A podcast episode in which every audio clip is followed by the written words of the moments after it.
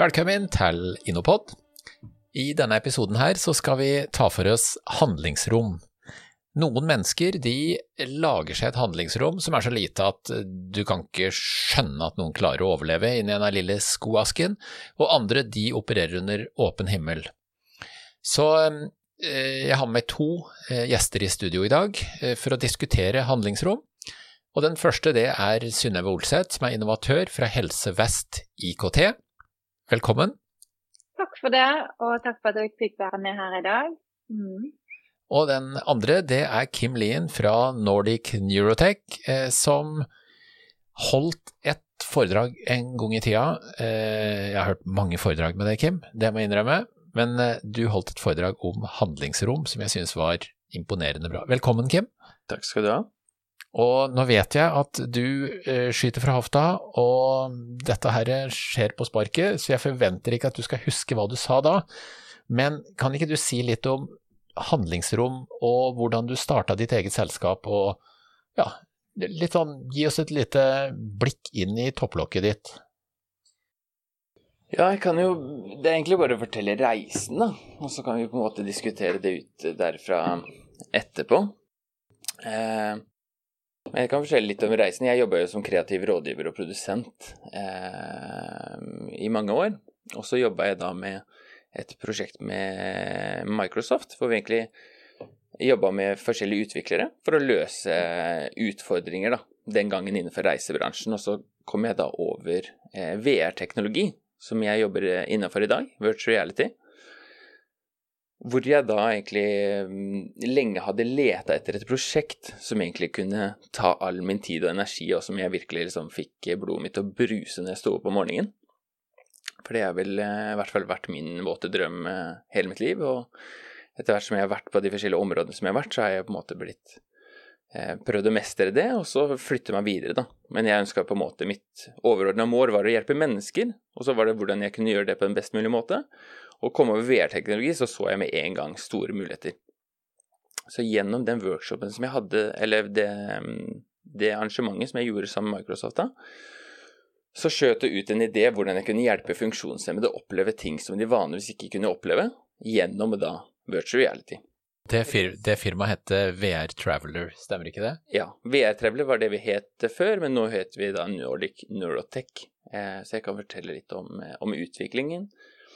Eh, så det det starta med da, var vel egentlig bare det at jeg fikk ideen rundt å starte det for funksjonshemmede. Og så ringte jeg da styreleder i Unge funksjonshemmede eh, og hørte hva hun tenkte om ideen. Eh, så det ble en veldig følelsesmessig samtale som gjorde det at jeg sa opp jobben tre dager etterpå etter jeg hadde kjøpt vrtraveler.com.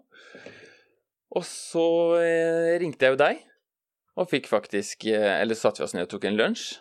Um, og du trodde jo på det, men du sa at du tror ikke på det egentlig før du får det liksom opp og stå, men det høres jo i hvert fall fornuftig ut. Du har servert ganske mye øl når jeg trodde på det, altså. Det.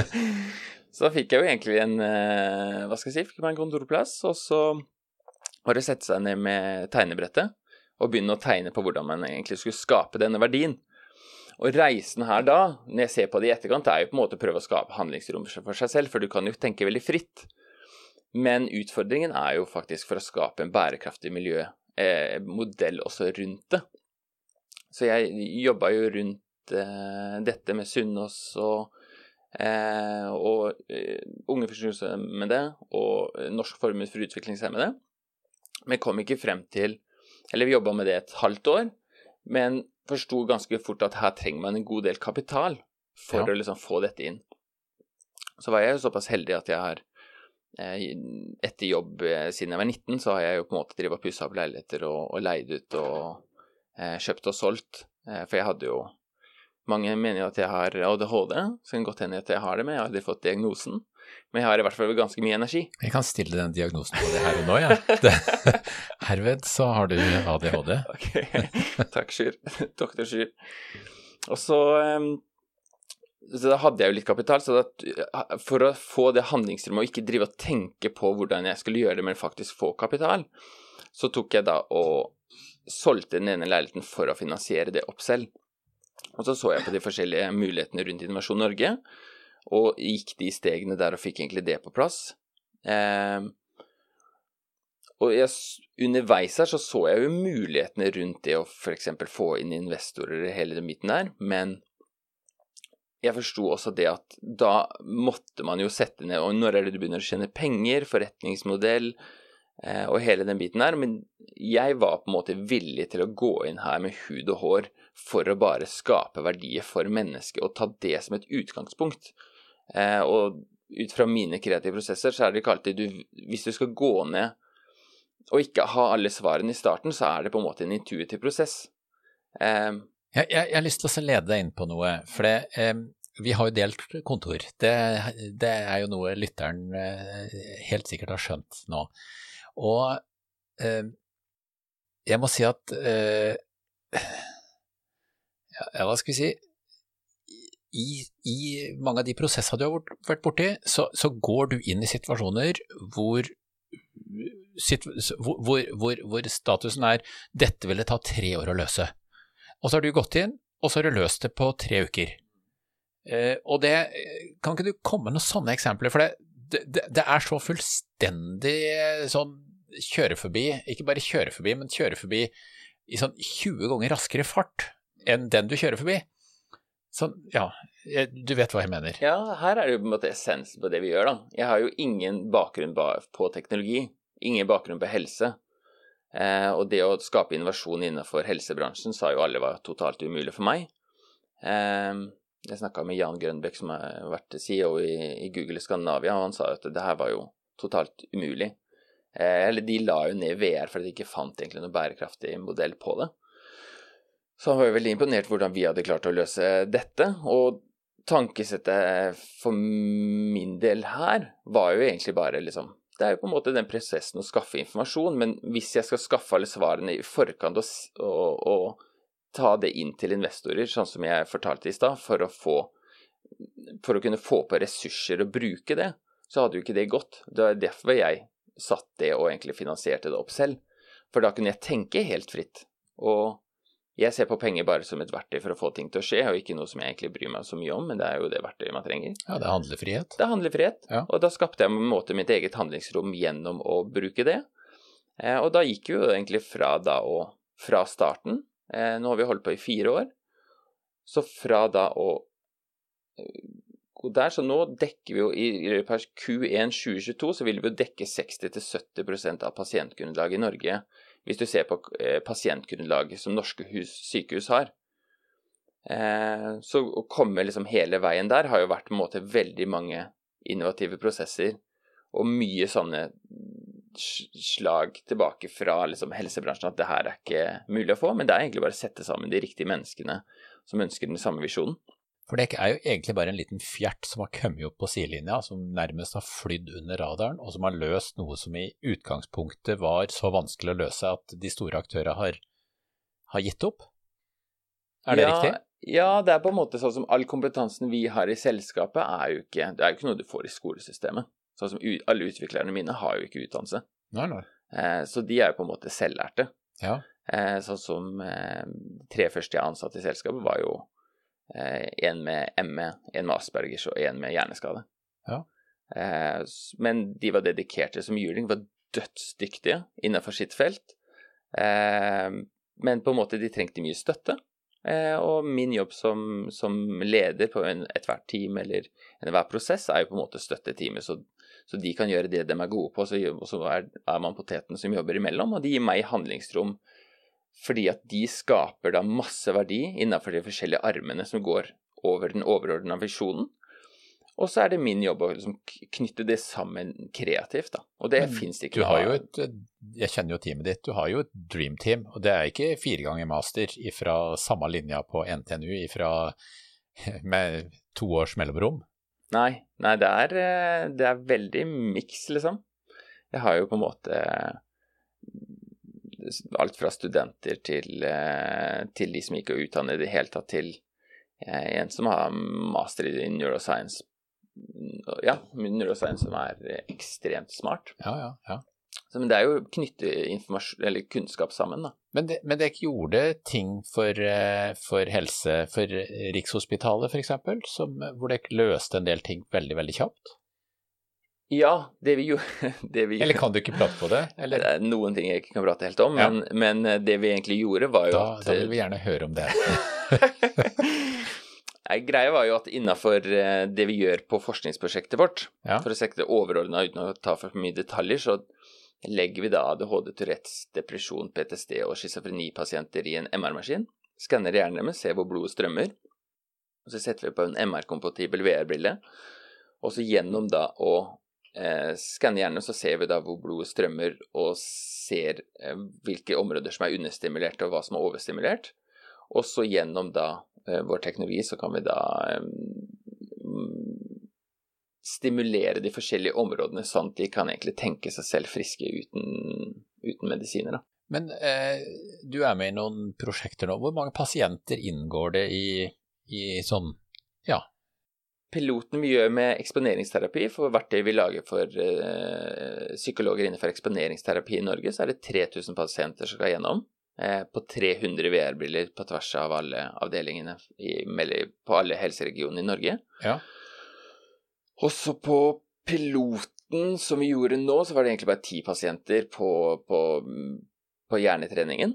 Eh, men der er det også eh, Nå så skalerer vi jo det her opp i ganske stor størrelse, men vi har ikke satt noe tall der. Men vi håper det egentlig på 100 per, per, per område. da. Så det vil si at det lille fillefirmaet som egentlig begynte med reisefilmer for eh, funksjonshemmede, ha, eh, sitter nå og har 3000 pasienter som deltar i et program hvor dere leverer innhold. Ja, ja. Og så ja, innenfor neuroscience på det vi har gjort nå, så er jo det her har vi gjort sammen med Intervensjonssenteret på Oslo universitetssykehus og Psykologisk institutt. Eh, og for å svare på spørsmålet ditt i stad, så løste vi jo den, de tingene med MR-maskinen og sånn, så løste vi jo ting som ikke hadde blitt løst før. Så vi skapte jo mange innovasjoner oppå hverandre som da gjør at det blir en radikal innovasjon. Var det fordi du ikke visste at det ikke var mulig å løse det, at du bare gikk på og løste det, eller? Nei, men det fins jo ikke problemer, det fins jo bare utfordringer. og så må du bare få på plass den kompetansen som du, som du finner under prosessen, og så må du bare se hvor smart du blir, Ja. og så prøve å komme frem til en løsning. Ja. Vi har uh, Synnøve her òg, og um, du er jo i helse, Synnøve. Ja, det er jeg. Mm. Og det, hva, hva tenker du eh, Det er jo grunnen for at vi har trukket inn eh, Kim her nå, da, fordi han er sånn Ja, putter du et gjerde rundt den, så er han på utsida av gjerdet før du har snudd ryggen til. Mm. Ja, det er veldig spennende å høre om den eh, reisen eh, du har hatt, Kim.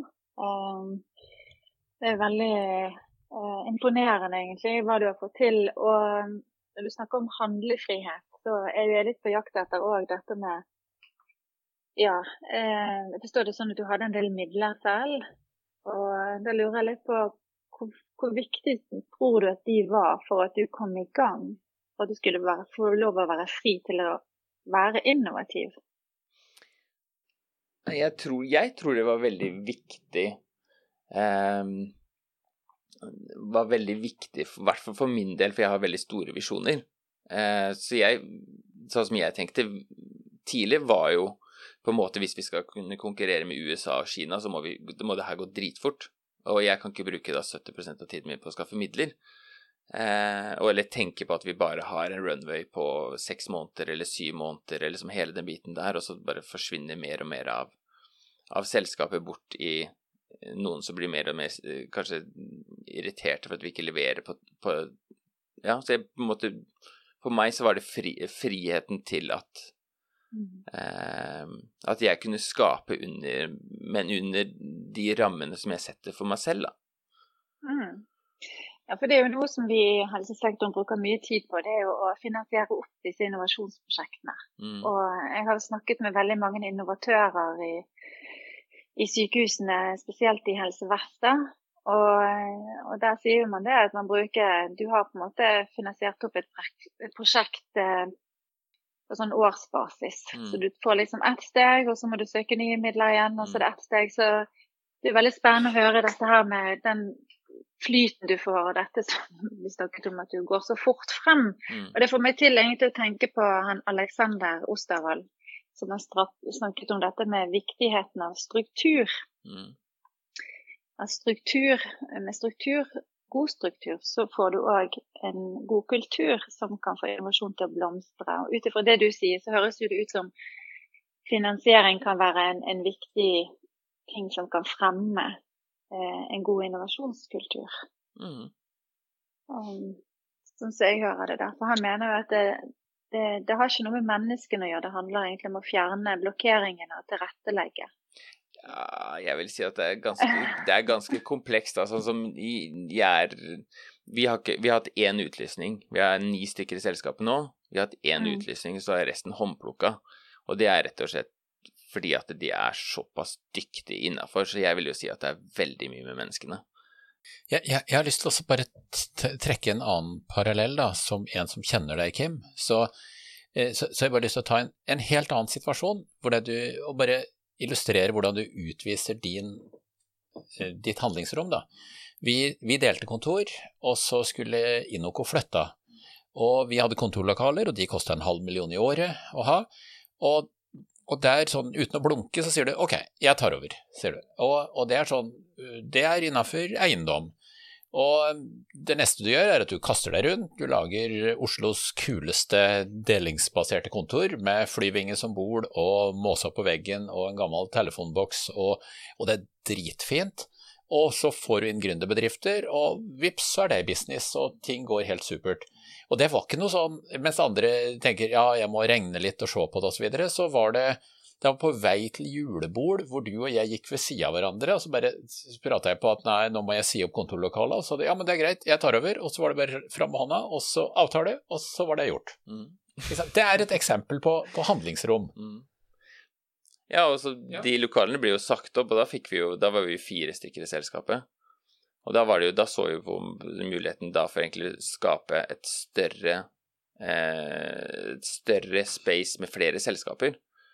Så da tok vi jo faktisk over 11. etasje på Oslo City på 850 kvadratmeter.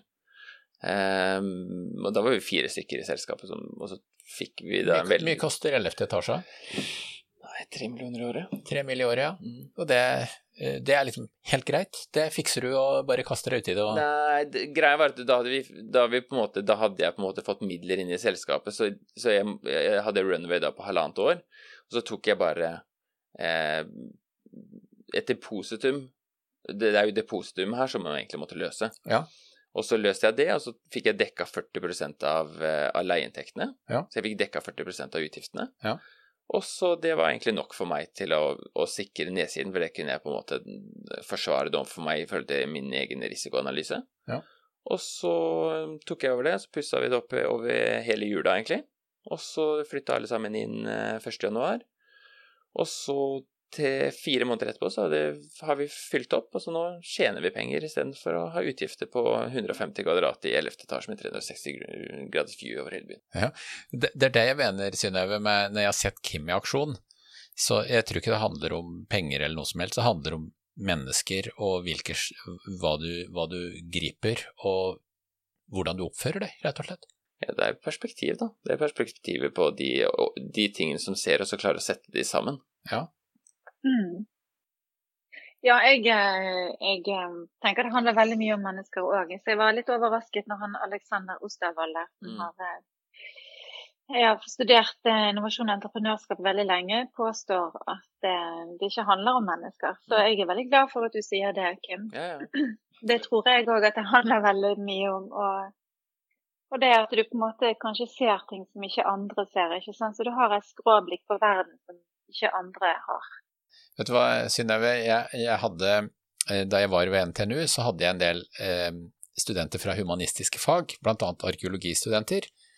Og de kunne fortelle meg at eh, i sin studieretning da, så hadde de en del 68-ere som underviste, og der de hadde sitt tankesett på historien. Og de hadde lært som arkeologistudenter at ildsjelen har ingen betydning. Her er det gruppene og massene eh, som, eh, som som avgjør hva som skjer.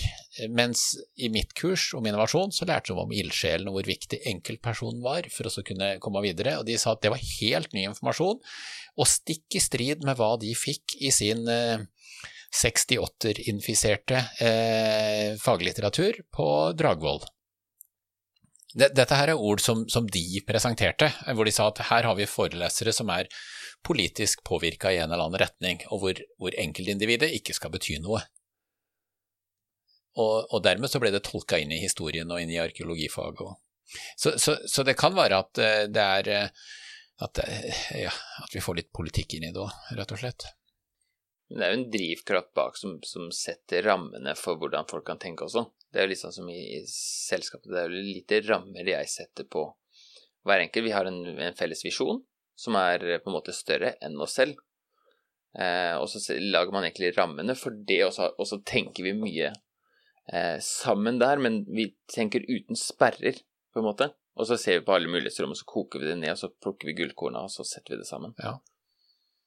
Så er på, mm. alt er jo på en måte en intuit eh, jeg, jeg, mener jo det at vi Hele selskapet er egentlig drevet intuitivt, eh, men selvfølgelig med, et, med en struktur. Eh, men på en måte ikke for mye struktur heller. Ja. Veldig spennende. Det får meg til å tenke på eh, en teori som omhandler eh, growth versus fixed mindset.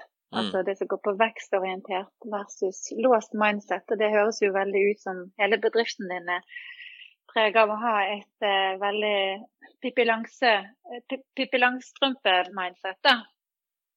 Hvordan kan vi få dette til? Mm. Men kan jeg spørre hvordan er det med utviklere som du har der? Det er jo jeg tenker er sikkert litt forskjellig avhengig av hvilke type oppgaver og ansvar man har der i bedriften. Mm. Men er det slik at dette er liksom jevnt over en kultur, eller tenker du at det er en styrke noen steder mer enn andre steder? Vi har det jevnt over, fordi det er det samme som i hver avdeling hos oss.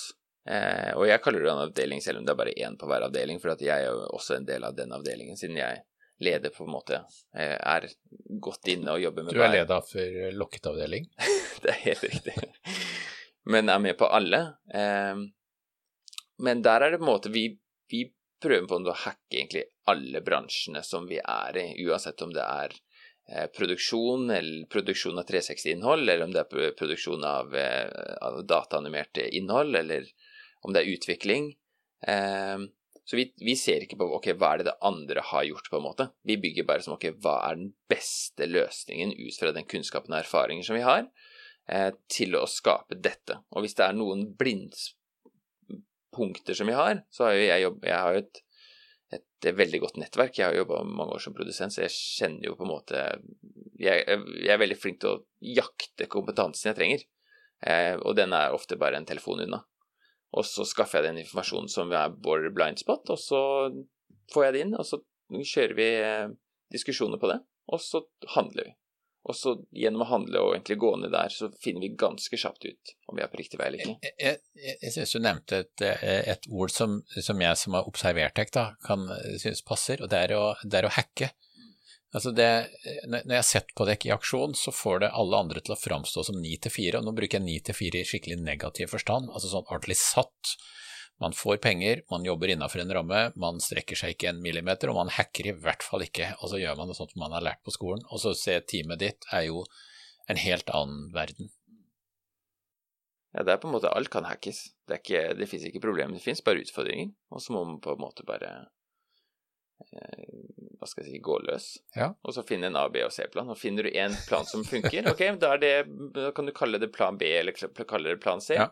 Og så er det egentlig bare å prøve å få det til en enda bedre plan igjen. Ja.